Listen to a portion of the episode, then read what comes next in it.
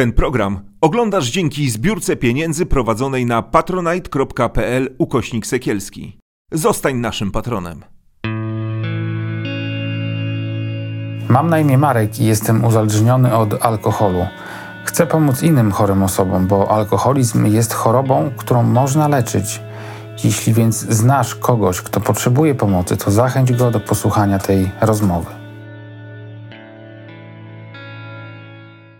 Dzień dobry, nazywam się Marek Sekielski, to jest program Sekielski o nałogach. E, dziękuję wszystkim państwa, z Państwa, którzy nas wspierają na patronite.pl Sekielski oraz e, wysyłając nam naklejki w komentarzach e, na YouTubie, bo tak można robić. Dzisiaj naszym gościem jest Elżbieta Rutkowska z pięknego Trójmiasta, z mało, nie, z kolorową historią. Czy no, z, nie, kolorową. z kolorową. Kolorowa albo wprost przeciwnie. Można na to jak zwykle spojrzeć dwojako. Czy to jest uśmiech, który za, y, przykrywa stres, czy po prostu bardzo. jesteś taka pozytywna? Nie, nie, nie. Ja ogólnie jestem bardzo zestresowana. Chyba mam taki mechanizm obronny, że wtedy e, zachowuję się, jakbym była turbo pewna siebie. No, no to mów. Z czym przyjechać do mnie? Mm. No to właściwie z e, historią rozwijających się zaburzeń, które zaczęły się, kiedy miałam 15 lat.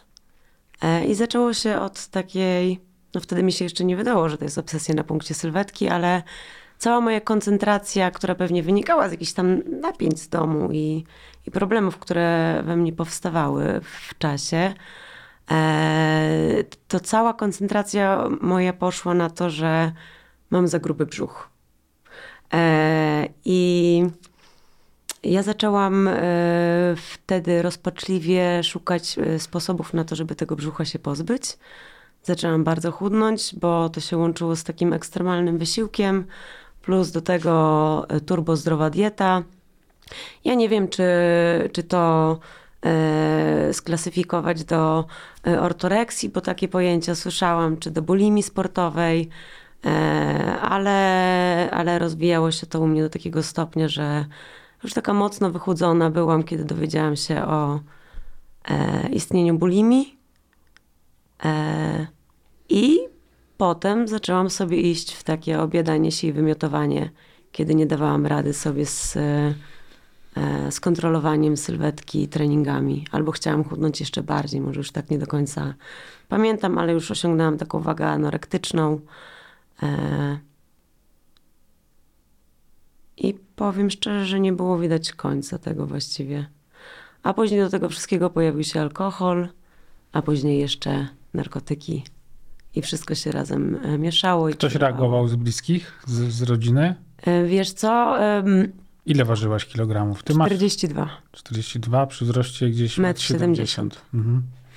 To była taka moja waga krytyczna. No, bardzo mało. Mm, a mi się wydawało wtedy cały czas oczywiście, że ten brzuch jest obtłuszczony. Bo wiedziałam, że mam nogi mhm. chude na przykład, ale e, wiesz co, moja mama próbowała coś robić, e, ale ogólnie u mnie w domu się za bardzo nie rozmawiało. Aha, no e, tak. Więc trudno, żeby nagle teraz, kiedy pojawiły się jakieś problemy, to żeby, to żeby jakaś próba interwencji zadziałała, szczególnie, że to była raczej taka interwencja w postaci zabrania mnie gdzieś do psycholożki. E, I ja z psycholożką też nie umiałam rozmawiać. Więc. E, I zresztą ja czułam, że to jest atak na mnie. Bo ja myślałam, że ja sobie, kiedy będę chciała to zakończyć, to zakończę. E, to mi dawało wiele korzyści. Właśnie chudłam. Też dało, dawało mi jakieś poczucie ulgi. I jakoś tak się zapętliłam w tym wszystkim, że, że wydawało mi się, że nie jest to dla mnie aż tak bardzo przytłaczające jak okazało się być później. Mhm. A ten alkohol to był po co? Alkohol właśnie miał mi pomóc zacząć sobie radzić z napięciami związanymi z bulimią. E, bo ja po to zaczęłam pić alkohol wieczorem sobie, e, żeby, a to było piwo w ogóle, które mhm. podkradałam mojemu tacie. E, I myślę, że od niego w ogóle podpatrzyłam to zachowanie, bo e, ja tam nie chcę w ogóle e, kategoryzować sposobu picia mojego taty, ale on ogólnie jak wracał z pracy, to wypijał codziennie małe piwo, jadł obiad i, i sobie tam siadał na kanapie, oglądał telewizję i mi się to chyba skojarzyło z jakimś takim Relaksem. rozluźnieniem i relaksem. Mhm. Więc ja Zaczęłam sobie tak to piwo mu najpierw jedno podkradać wieczorem i po zakończonej nauce, to też była klasa maturalna, ja miałam taką dużą presję w sobie, żeby e, dostać się na równie dobre studia co moje siostry. E, to właśnie to piwo zaczęłam sobie wypijać na... A alkohol, kalorie ma przecież i to nie mało, to ci się jakoś tam nie, nie, nie, nie, nie miałaś wiedzy w ogóle na ten temat? W ogóle o tym nie myślałam. A. Pewnie jakbyś wiedziała, to byś nie piła, co? Myślę, że to już była taka spirala e, uwalniania się z napięć, to i tak mi się wydawało, no bo wiadomo, że finalnie to, No tak. te napięcia narastały, więc e, myślę, że e, tutaj jedne e, kłamstwa przykrywały drugie, takie wewnętrzne. A narkotyki kiedy wjechały na to? Mm, narkotyki właściwie to pierwszy raz się pojawiły, nie wiem na ile to tam nazwać narkotykami, tylko zaczęłam, e, pierwszy raz poznałam działanie leku amfetaminopodobnego, jak między innymi w trakcie jest jednej wizyt u psychiatry. E, ona mnie zdiagnozowała jako osobę z ADHD. Ja miałam chyba wtedy 21 lat, e, czy tam 20. E, I wkrótce odkryłam, że te leki są albo na jakieś pochodnej amfetaminy, albo mają takie działanie jak amfetamina. Ja to przez przypadek e, wzięłam. Pobudzające jeszcze bardziej. Tak. Aha. Mm. No i ja wtedy w sumie pierwszy raz zażywałam, nadużywałam leków, żeby się naćpać, bo też zauważyłam, że w ogóle mega to działa na moją tolerancję na alkohol, a ja już piłam e, w wieku 20 czy 21 lat tak destrukcyjnie, że ja po prostu piłam do nieprzytomności. Czy byłam w towarzystwie, czy sama, to, e, to piłam e, do nieprzytomności. Aż mi się urwał film. Także tak to działało. Zresztą ja już byłam wtedy po, e, po zawaleniu studiów, bo się dostałam na te super studia do Warszawy. E, Byłam na SGH-u, ale nie, nawet nie zaliczyłam pierwszego roku, bo już się tak posypałam, że wróciłam do Gdańska. I poszłam nawet na pierwszą terapię alkoholową. A zaburzenia odżywiania nie znikły, rozumiem. od Nie, one cały czas w ogóle były w tle, tylko że zaburzenia odżywiania o tyle, o ile mm, były widoczne w domu yy, i yy, one mi się w ogóle tak kojarzą z taką złością otoczenia. Złością mojej mamy, że zaburzam jakiś yy, rewir taki... Na ciebie złość jej. Tak, ja czułam taką złość, że e, znika to jedzenie z lodówki, e, bo i w ogóle miałam takie napady głodu, że ja się budziłam w nocy, na przykład o trzeciej szłam, najadałam się, wymiotowałam i szłam spać z powrotem, a moja mama wstawała i, e, i ta lodówka była częściowo opróżniona. E, A ja się tego wypierałam. E, To też było tak, że ja byłam. E, Ja też to robiłam dokładnie to samo z alkoholem, że jak ktoś, jak moja mama mi mówiła, że co ja zrobiłam z tym jedzeniem, to ja mówiłam, ale o co ci chodzi? E, I też byłam taka atakująca w tym wszystkim. Myślę, że w ogóle czasem mam oczywiście takie poczucie, że może nikt nie wyciągnął do mnie ręki, ale ja byłam tak nastawiona na, na atak, jak ktoś próbował to robić, że, e, że myślę, że do mnie się nie dało po prostu dotrzeć w żaden sposób. Więc żadne wizyty u psychologa czy u psychiatry nie pomagały, bo ja już byłam w jakiejś spirali, zapętleniu. E, I nawet trudno mi jest jakoś tak e, kogokolwiek za to obwiniać. Yy, ty mówisz, że po powrocie teraz do Gdańska poszłaś na terapię, tak? Tak. A skąd ci się to wzięło w głowie? Bo to dosyć, bo, znaczy to bardzo młody wiek jest. Jak się ma tam wtedy, nie wiem, 20 lat miałeś, czy ile tam, 21, 2? To oczywiście nie był mój pomysł. E, ja też. E, Co takiego się działo, oprócz tego, że ci się firmy urywały? No bo to, że ci się firmy urywają, to też nie jest, wiesz, nie no, jest zawalałam. wyjątkowe z, z, zdarzenie w życiu człowieka, no. Ja, ja się po prostu doprowadzałam do takiego e, stanu, w którym już było widać po mnie, że jest coś grubo nie tak. Poza tym ja nie piłam tylko weekendowo. Ja piłam w samotności też codziennie. Albo szukałam towarzystwa. Ogólnie to, póki mieszkałam w Warszawie, to zawsze znajdowałam towarzystwo. Mm. I też upijałam się w samotności. Plus do tego dochodziła ta bulimia. Po prostu ja potrafiłam nawet zrobić te, takie rzeczy, że zostawiałam wymiociny gdzieś e, w workach poukrywane w domu, więc to było takie e, namacalne mocno, e, że jest i ta bulimia, i e, uzależnienie od alkoholu. Ja ukrywałam butelki gdzieś po kątach. E, nie wracałam, e, mieszkałam z siostrą w okresie tego studiowania, więc czasem nie wracałam do domu. E, okradałam mojego tatę.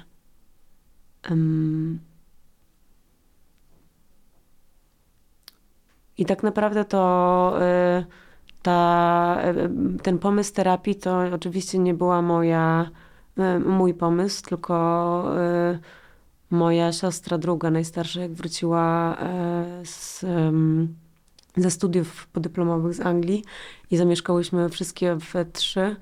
Moja najstarsza siostra miała taką największą zdolność do konfrontacji u nas w rodzinie. I ona po prostu była w stanie mi się jakoś e, postawić bo e, ja też, e, to nie chodzi o to, że jakoś potrafię być super agresywna, ale po prostu, a też potrafię być, albo potrafiłam, ale też e, potrafię być na tyle odrzucająca że, i odpychająca, że właściwie nie wiadomo, co zrobić. E, No i po jej powrocie po prostu e, tam rodzina zaczęła trochę działać w tym kierunku i ja nawet nie pamiętam, czy to ja sobie znalazłam ten ośrodek, czy, czy jakoś tam moja mama w tym, w tym uczestniczyła. Ale rozumiem, że na siłę to zrobiłaś. Zostałaś przymuszona do tego, tak? Trochę na siłę, ale trochę takie, już miałam jakieś takie poczucie bezsilności i tego, że nie ogarniam i że jestem ogólnie nieszczęśliwa. Mhm. E, Ja też wtedy przeżyłam swój pierwszy zawód miłosny. Mm, Ogólnie to też e, e, alkohol pojawił się akurat wtedy, kiedy ja zaczęłam e, odkrywać swoją orientację seksualną, e, co też było dla mnie bardzo trudne, bo ja jestem, e, nie jestem z jakiegoś e, chrześcijańskiego domu, ale jestem e, z heteronormatywnej rodziny, gdzie mam dwie heteronormatywne siostry i u mnie temat homoseksualizmu w domu się nigdy nie pojawiał. Głos ci drży, jak to mówisz nawet teraz, tak? Tak. No mów, mów. No bo to w ogóle był chyba taki e, trudny moment dla mnie. E, ja w ogóle lubiłam się, czyli lubiłam. E, ja nie lubiłam sprawiać problemów. E, I też wydawało mi się, że sposobem na to, żeby być zaakceptowaną, to jest bycie silną, e, znającą odpowiedź na wszystko i radzącą sobie ze wszystkim. Ja nawet jako dziecko e, pamiętam takie moje hasło ja sama. E, I ja naprawdę robiłam dużo rzeczy e, sama i też e, byłam taka. U mnie w domu też w ogóle była taka chyba, znaczy nawet nie było jakiejś takiej wielkiej presji, ale moi rodzice tam dużo inwestowali w to, żebyśmy my jeździły tu na korepetycje. Może tego nawet było za dużo, może nie, nie wiem e, jakie były tego przyczyny, ale ja po prostu bałam się, że będę gorsza od moich sióstr. E, I ta orientacja seksualna chyba była takim dodatkowym, e, jakimś takim cz- czymś, co ja czułam, że mnie znowu Że jesteś gorsza przez to inna i przez to może i gorsza. i że co, że cię nie zaakceptują najbliżsi, tak?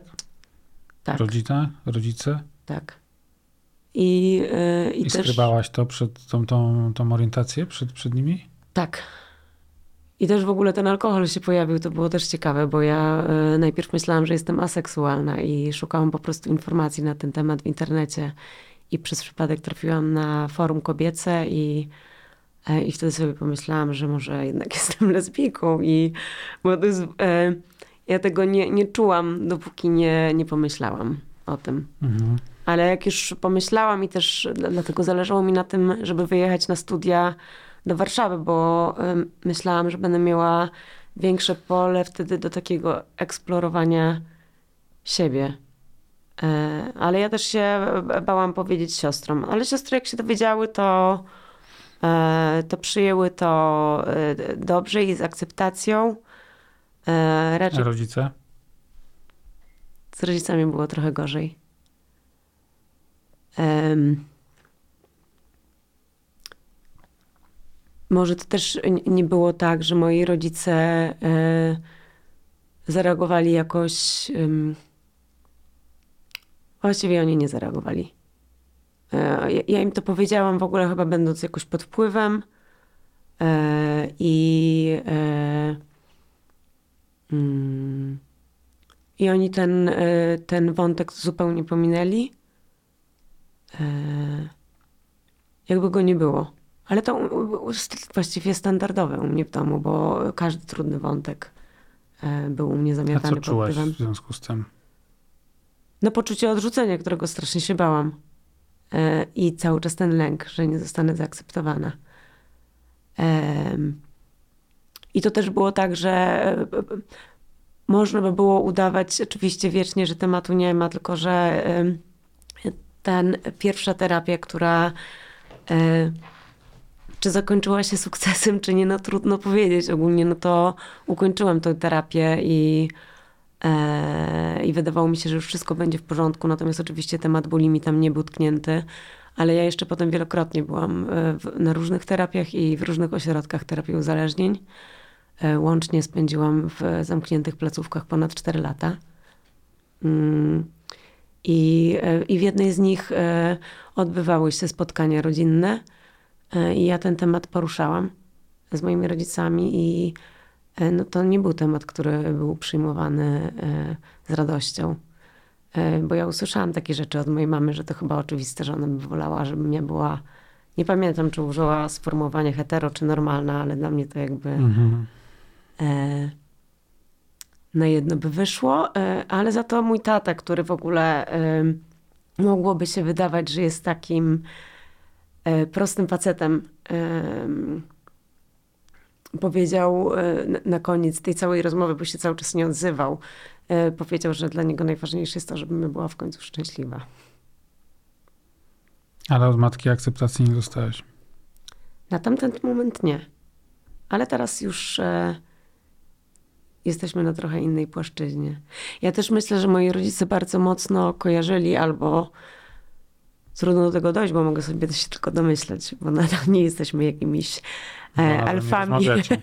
Nie no, trochę rozmawiamy. Raczej przynajmniej ja próbuję, ale to nie jest tak, że jak ja ukończyłam terapię i ja nad sobą pracuję i staram się być w jakiś sposób otwarta, to to nie jest tak, że ja tam wychodzę ze swoimi e, mądrościami i, i wszyscy się otwierają w koło, e, ale... E, ale, e, ale wydaje mi się, że moi rodzice bardzo mocno wiązali temat mojej orientacji w ogóle z uzależnieniem i zaburzeniami i z tym takim moim wewnętrznym chaosem. Więc tak może trochę ich usprawiedliwiam. Nie no, usprawiedliwiasz ich od początku, nie? Minimalizujesz ich rolę, jak tylko możesz. Może Gdzie, po prostu- gdzie wyraz twojej twarzy przy, wiesz, przy temacie mama robi się zupełnie inny i, i te łzy w oczach, które ci wracają, jakby to widać jak na dłoni, no.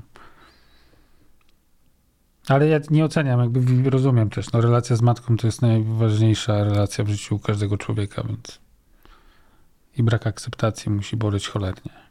No tak.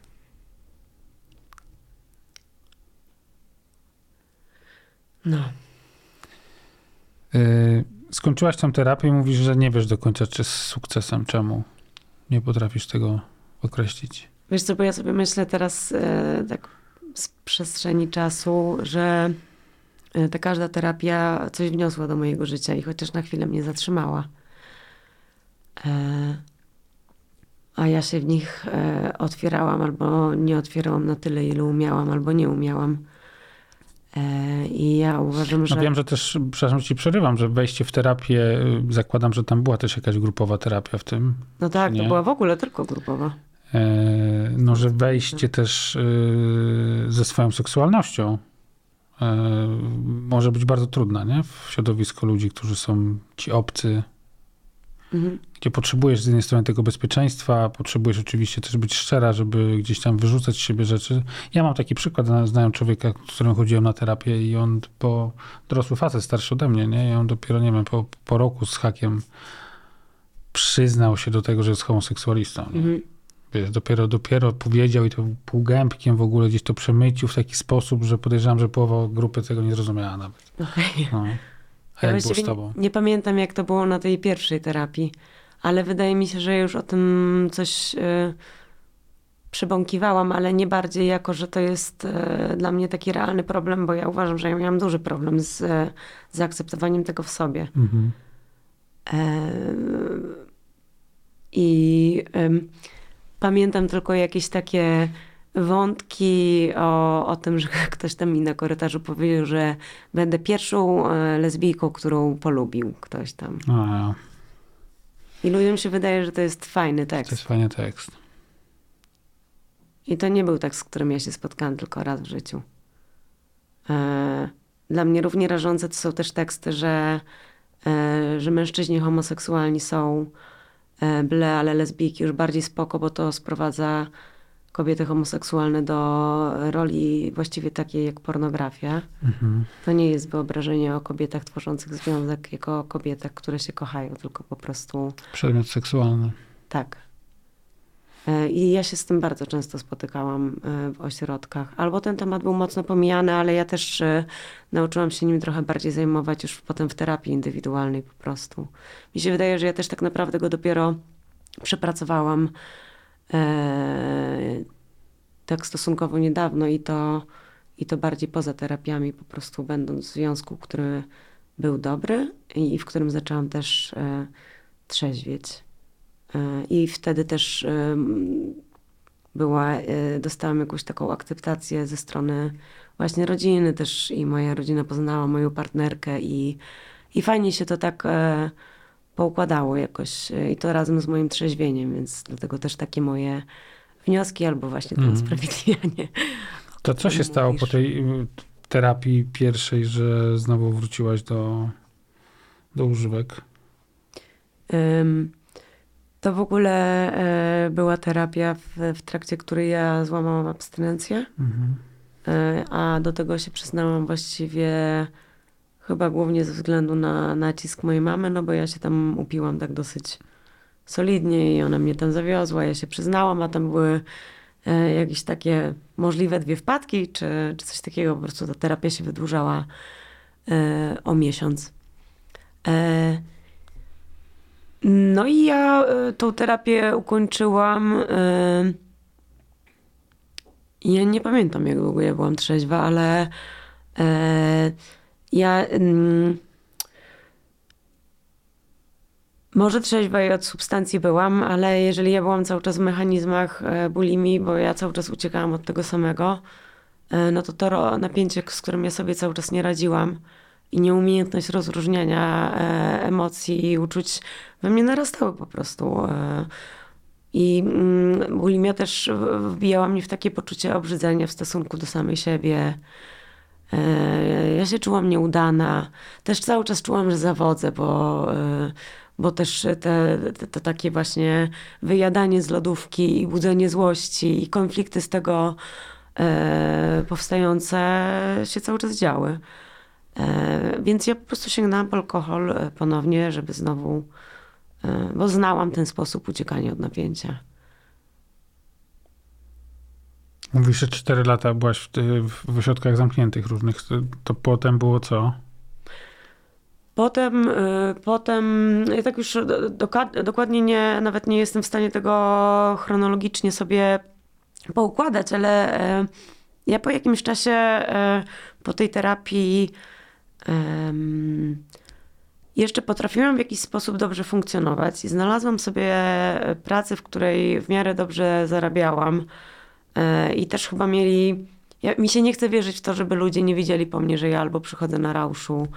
E, Było na to przymykane oko, bo ja e, dobrze handlowałam tym, czym handlowałam. To były jakieś takie e, sprawy bankowe, ale tak nie do końca. Nie wiem, czy kojarzysz takie stędy, gdzie się te karty ludzie wciskali, że damy ci bilety do kina za to, że weźmiesz kartę kredytową albo e, kartę klubu Wizer za to, że weźmiesz kartę kredytową. Okropne mechanizmy, ale właśnie takie rzeczy sprzedawałam i, i zresztą przy e, alkoholu też miałam z tym lekkość, bo nawet nie, w ogóle ja wtedy nie myślałam o tym, czy to jest e, moralne, czy niemoralne. E, Także ja się jakoś zaczęłam w tym rozwijać. W międzyczasie moi rodzice e, wyprowadzili się z domu, bo kupili sobie mieszkanie. Oni też już e, mieli trochę dosyć tego, co się ze mną dzieje, więc oni mnie po prostu w tym domu zostawili. E, A ja za tego domu sobie zrobiłam e, taką konkretną melinę. Mnie też tam sprowadziłam sobie koleżankę, która ze mną zamieszkała. I ona też mnie leczyła marihuaną z alkoholizmu. Także ja uwielbiałam ten alkohol że tak to ujmę, więc ja z tego alkoholu nie rezygnowałam. Więc tak zaczęłam mocno jarać już e, tą trawę z nią i pić alkohol, że doprowadziłam się do takich stanów, w których czasem jak się budziłam, nie wiedziałam, czy jest dzień, czy noc, e, czy przypadkiem nie opuściłam dnia w pracy.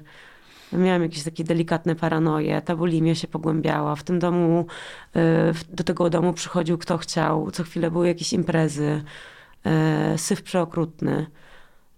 Ja szczerze mówiąc byłam też przerażona tym, co się dzieje i też do czego się doprowadziłam. Nawet nie potrafiłam z tego wyjść w taki normalny sposób, żeby na przykład powiedzieć, żeby się ode mnie wyprowadziła ta znajoma i przestać zapraszać ludzi. Tylko jedynym sposobem, jaki ja znalazłam na to, była wyprowadzka do Warszawy znowu.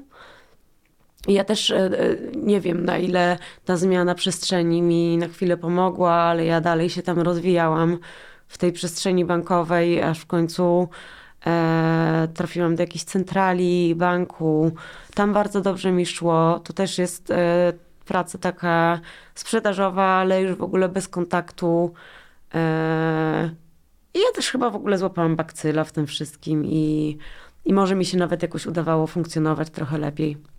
Mhm. Więc ta bulimia i alkoholizm cały czas się rozwijały, ale może troszeczkę mniej spektakularnie. Ja też w jakiś sposób wzięłam odpowiedzialność za to, co robię, bo sobie wynajęłam sama mieszkanie, e, czy tam pokój, nie pamiętam. No i chodziłam do tej pracy, nawet awansowałam. E, I e, to był też taki moment, który dał mi takie złudne poczucie, że ja e, coś osiągnęłam a może ja coś nawet osiągnęłam, tylko, e, tylko to było takie okropne, bo ja sobie pomyślałam, że po co mi te studia wszystkie, e, bo ja naprawdę dobrze zarabiałam jak na tamten czas. Więc bardziej w takie poczucie omnipotencji wpadłam. Że właściwie mam wszystkich w dupie, że ta moja rodzina jest mi do niczego niepotrzebna, że ze wszystkim sobie sama poradzę. E, I nawet miałam jakieś takie wstawki, że ja dzwoniłam do mojej mamy i opowiadałam, ile ja zarabiam. I to było takie mściwe z mojej strony trochę, żeby też pokazać, że, e, że, mm, że ja sobie świetnie radzę. Aż w końcu dostałam taką wypłatę, e, po której tak zaczęłam chlacić pać, że ja nie byłam po prostu w stanie się podnieść z podłogi w pewnym momencie i wtedy zadzwoniłam do mojego taty bo byłam już zrozpaczona tym, co się dzieje i fizycznie, i psychicznie. Ja też traciłam bardzo dużo ludzi wkoło siebie cały czas, bo to nie było tak, że, e, że to moje życie się jakoś fajnie toczyło. Ja co chwilę musiałam się przeprowadzać, bo, koś, bo, bo nie wiem, bo okradłam kogoś, z kim mieszkałam. E, bo też to było tak, że mimo że takiego E, nasycenia finansowego ja cały czas miałam poczucie, że mi będzie brakowało. Albo może w ogóle jakąś miałam taką potrzebę dowalenia sobie adrenaliny i, e, i też okradałam właśnie znajomych, kradłam w sklepach e, e, i przepiłam te wszystkie pieniądze, przestałam chodzić do pracy. E, myślę, że w jakimś takim stanie depresyjnym zadzwoniłam już do taty. E, ja miałam myśli samobójcze też wtedy. E, I też byłam po jakichś e, nieudanych próbach wcześniej, więc wiedziałam już, e, co tam się ze mną dzieje takiego. Czyli w sensie nie wiedziałam, ale bałam się. O. I tata jak mnie wtedy zabrał do domu, to najpierw trafiłam do prywatnego ośrodka. Mm, w prywatnym ośrodku mogłam robić co chciałam właściwie, łącznie z tym, żeby sobie wychodzić poza ośrodek i I zaczęłam łamać abstynencję w nim. Mm, więc z niego wyleciałam. Potem pojechałam do kolejnego prywatnego ośrodka. E, tam e, bardzo mocno próbowałam w tej bulimii jakoś sobie znajdować ujście, więc nie piłam, ale za to znowu kradłam to jedzenie, wymiotowałam i ukrywałam E, te wymiociny w tych siatkach e, gdzieś po kątach i właścicielka tego ośrodka pamiętam z taką złością e, wzięła mnie na rozmowę i też zostałam stamtąd wyrzucona. A w końcu się też dowiedzieliśmy, bo nawet o tym nie wiedzieliśmy, że są terapie na NFZ. I wtedy chyba w ogóle poczułam się pierwszy raz w jakimś takim właściwym miejscu. E, to był 2015 rok. Miałam 25 lat. E, I trafiłam do ośrodka, e, w którym były grupy terapeutyczne, też mieliśmy jakieś takie prace. E, I ja nawet miałam jakieś takie próby opanowania tej kwestii bulimicznej. Ale był to dosyć trudny wątek, bo w ośrodku terapii uzależnień, w którym zajmowano się alkoholizmem i narkotykami, nie rozmawia się zbyt łatwo ani z terapeutami, ani z pacjentami e, o bulimii. Bo to jest taki temat, który, przy którym każdy rozkłada ręce i też e, teraz ja widzę, że, że to są dokładnie te same mechanizmy i właściwie możemy było udzielać dokładnie takich samych informacji zwrotnych, ale e, nie na długo pomogło mi prowadzenie dzienniczka i, i, i próba zrzucania jakoś w formie pisanej tego napięcia, więc ja tam e, e, dalej po prostu w bulimi funkcjonowałam. Mm, szczególnie, że też mieliśmy tam pracę na kuchni. E, I to też wzbudzało złość. Bo ja kradłam jedzenie i też pamiętam właśnie złość pacjentów i takie dochodzenia, co się stało z jedzeniem, jak to możliwe, że ja tyle zjadłam, jak już się przyznałam, e, gdzie ja to schowałam, bo niemożliwe, żebym tyle zjadła. No i e, ja ukończyłam tą terapię, e, bo ja w ogóle najpierw trafiłam tam na krótki termin, a finalnie zostałam na długim. E, I ukończyłam naprawdę ją z taką wiarą, że już sobie poradzę, ale rzeczywistość szybko zweryfikowała, że z bulimią sobie nie poradzę bo zaraz znowu te napięcia wróciły i, e, i wróciłam do picia. Nie wiem, czy po trzech, czy po czterech miesiącach.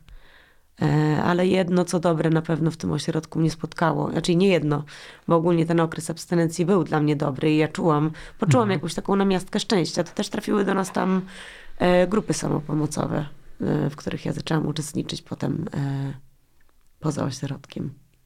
I tam też poczułam jakąś taką przynależność i akceptację. No a jak już wróciłaś do tego picia, to było jeszcze gorzej niż przed terapią?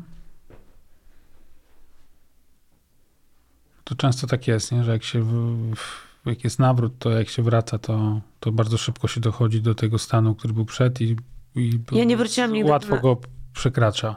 Właśnie mi się wydaje, że ja do tak fatalnego stanu jak przed tą terapią się nigdy nie doprowadziłam już później fizycznie i psychicznie, bo E, to był też okres, w którym ja bardzo dużo ćpałam.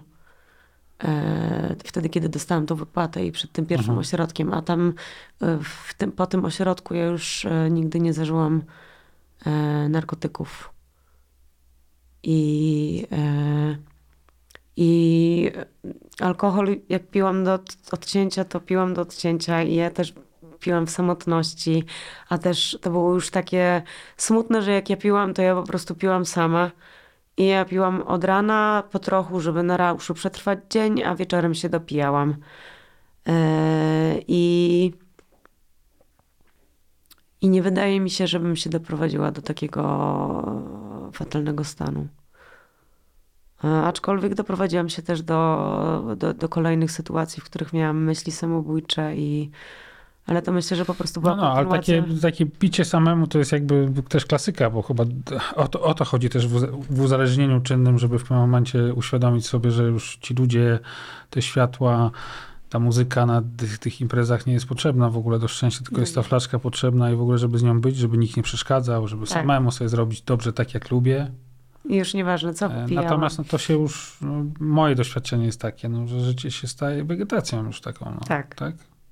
Wstajesz po to, żeby co? No, żeby jakoś tam przetrwać ten dzień, po to, żeby wieczorem się napić. Mm. Rano boli. Mówisz sobie pewnie co drugi poranek, albo nawet codziennie, że to jest ten ostatni dzień, że już mam dosyć, przez, muszę przestać. A to się powtarza i tak, nie? No. I właściwie to mm, ja też y, przyznam szczerze, że miałam takie podejście, że ja szłam na terapię albo dzwoniłam po pomoc wtedy, kiedy też e, czułam, że jestem w sytuacji bez wyjścia, bo ja e, może i byłam zaradna i fajnie sobie radziłam, ale ja co chwilę e, kończyłam tak, że musiałam zaciągać długi, żeby, e, e, żeby mm, funkcjonować. No i te też moje e, potem podróże po ośrodkach wynikały z tego, że jak już byłam w takiej sytuacji krytycznej, że już nawet nie miałam skąd zaciągnąć długów, no to ja po prostu dzwoniłam do taty. E, Tata mnie ratował, wiózł do ośrodka, spłacał długi e, i ja nie ponosiłam potem e, żadnych konsekwencji. Konsekwencji. Mhm. E, I tak naprawdę dopiero teraz przy tym okresie trzeźwienia, który trwa już tam blisko 27 miesięcy, e, ja już nawet o długach swoich nie powiedziałam, tylko ja je spłaciłam samodzielnie. Mam wsparcie od e, rodziny. A co się zmieniło, że to się w końcu stało? Nie? Że ty poszłaś na tę terapię dla siebie? Ja nawet nie wiem, czy dla siebie, bo e, ja e, właśnie to było tak, że ja też chodziłam w ogóle na terapię do mojego terapeuty i ja mu cały czas mówiłam, że ja się boję, że ja nie zbuduję związku, bo jak ja jestem uzależniona, to kto mnie będzie chciał. I ja myślałam o tej uzależnionej mnie trzeźwej w ogóle, że jak ja Mhm. wytrzeźwieję, to że to będzie jakieś takie ograniczenie i bariera. I e, Że to nie picie będzie barierą, tak? Żeby tak, poznać że to nie kogoś. picie. Mhm. Okej. Mhm. E, I, i, I mój terapeuta e, tam mi zawsze mówił, że e, jak ktoś mnie będzie kochał, to nie będzie dla niego problemu, żeby tam e, dla niej, to nie będzie problem, żeby nie pić i tak dalej, i tak dalej, ale ja cały czas tak pielęgnowałam to swoje takie poczucie, że tam się nic nie uda i zresztą ja przeżyłam pełno nieudanych relacji i związków, które które mi pokazywały, że, że ja nie potrafię budować bliskości. Ja byłam tym przerażona i ja w końcu poznałam e, partnerkę, e, której na początku nie powiedziałam o tym, że jestem uzależniona, więc e, też z nią piłam i, e, i ona w końcu się zorientowała, że coś jest nie tak. E, też się okazało, że jej mama jest trzeźwą e, alkoholiczką. E, I ja dostałam e, od niej i od jej rodziny tyle akceptacji, ile chyba nigdy. W sensie takim bliskościowym. Bo co innego dostać to e, w terapii e, czy na grupach samopomocowych, a co innego w takiej relacji rodzinnej właśnie. A tak Tobie byłam- brakuje tej miłości od mamy, co?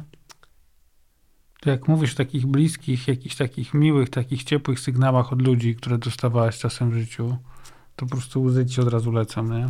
No tak. Ja w ogóle do teraz mam z tym problem, Mhm. żeby akceptować w sobie y, to, że jestem kochana i że ktoś chce mieć mnie blisko siebie. Y, ale się uczę tego. Y, I wtedy, mm, i wtedy,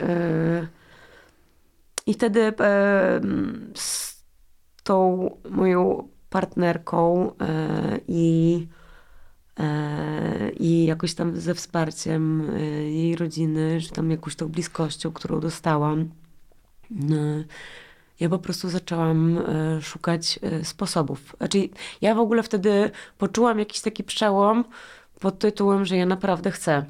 I pierwsza próba 5,5 roku zakończyła się tym, że ja znowu wróciłam do picia, bo e, przeprowadziłyśmy się do niej na wieś, chodziłyśmy cały czas na imprezy, na których e, wszyscy pili, a ja z piwami bezalkoholowymi. Ja w końcu na którejś z tych imprez się zalewałam tak tymi piwami bezalkoholowymi, a ta moja partnerka to też jest dobry wątek, bo ona prowadziła sklep spożywczo-monopolowy i my nad nim mieszkałyśmy.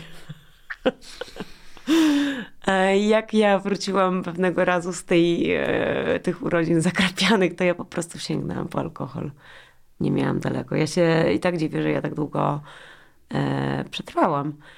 W każdym razie potem, jak to się wydarzyło, mm, ja zupełnie inaczej doświadczałam tego picia, bo ten pierwszy łyk był rzeczywiście przyjemny, ale zaraz potem się pojawiły tak potężne wyrzuty sumienia. Wtedy chyba na, taki, już naprawdę zostałam pozbawiona całkowicie komfortu picia.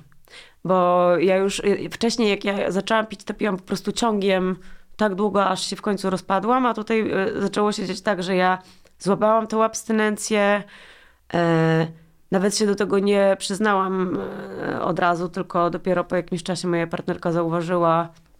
E, no i w końcu, w końcu ja wtedy się skontaktowałam znowu z tym moim terapeutą. Podjęłam decyzję o tym, że ja przeprowadzam się z powrotem do Gdańska. E, I, mm, I stworzyłam sobie jakąś tam e, względnie bezpieczną przestrzeń.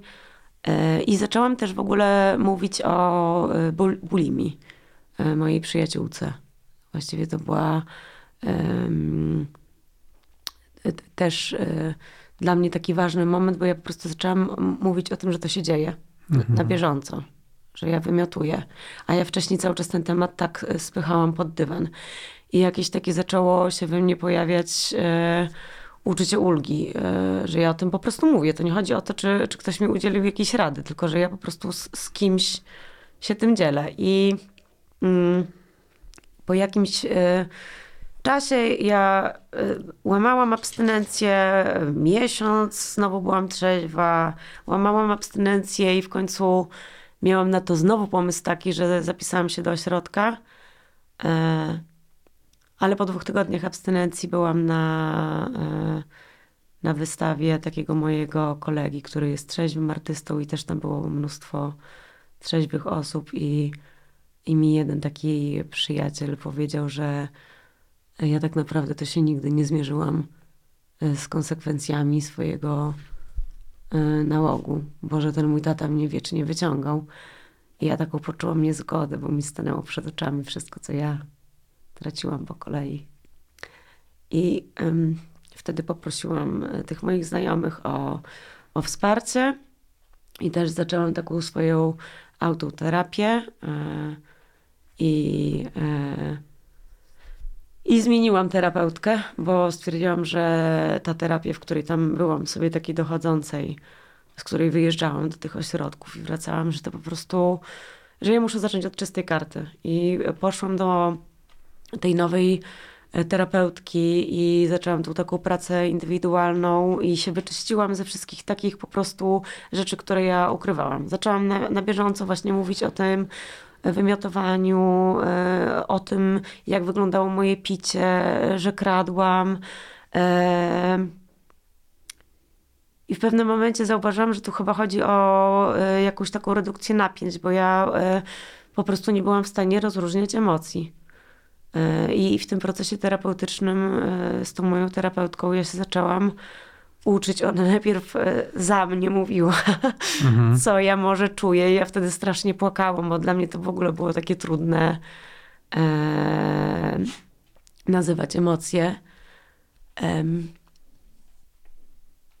w międzyczasie też e, zaczęłam e, biegać e, i zapisałam się na swój pierwszy maraton i jakoś tak e, te różne rzeczy, które zaczęłam robić ze sobą, e, wpłynęły na to, że ja przestałam po, przy tej próbie trzeźwienia już e, teraz e, wymiotować chyba gdzieś tak po trzech miesiącach. I ja myślę, że to było to. Że tak naprawdę to był dopiero moment, w którym ja zaczęłam czuć prawdziwie ten, to, przed czym uciekam, ten lęk przed emocjami, jakie to jest dla mnie w ogóle trudno je nazywać. A przed czym uciekałaś? E, Ja myślę, że cały czas przed jakimś takim lękiem przed odrzu- odrzuceniem. W ogóle, w ogóle przed lękiem. E, Ale myślę, że ja się dużo, bardzo mocno bałam tej akie- braku akceptacji w rodzinie i potem to się też e, przekładało na brak akceptacji takiej zewnętrznej.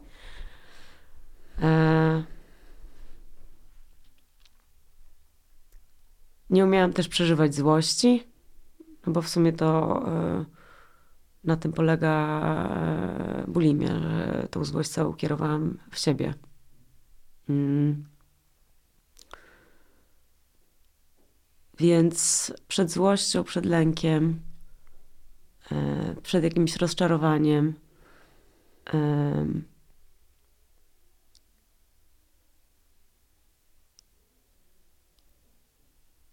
nie wiem przed czym jeszcze właściwie.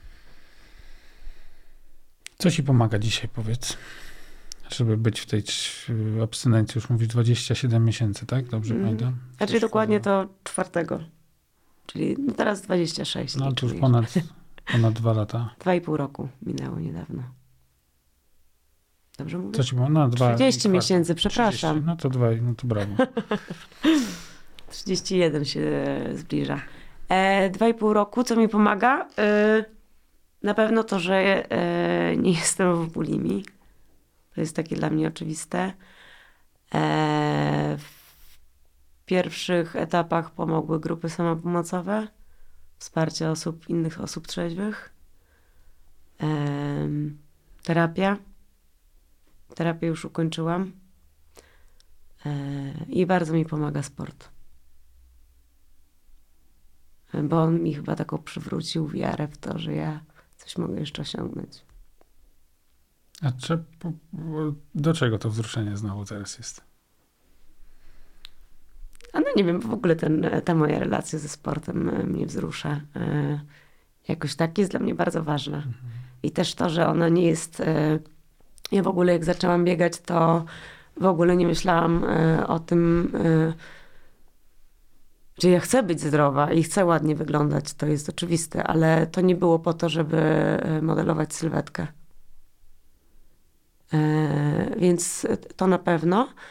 No, e, też relacje bliskie, w których jestem. Ja mam też dużo trzeźwych znajomych. Też mam nawet grupę trzeźwych lesbijek, które,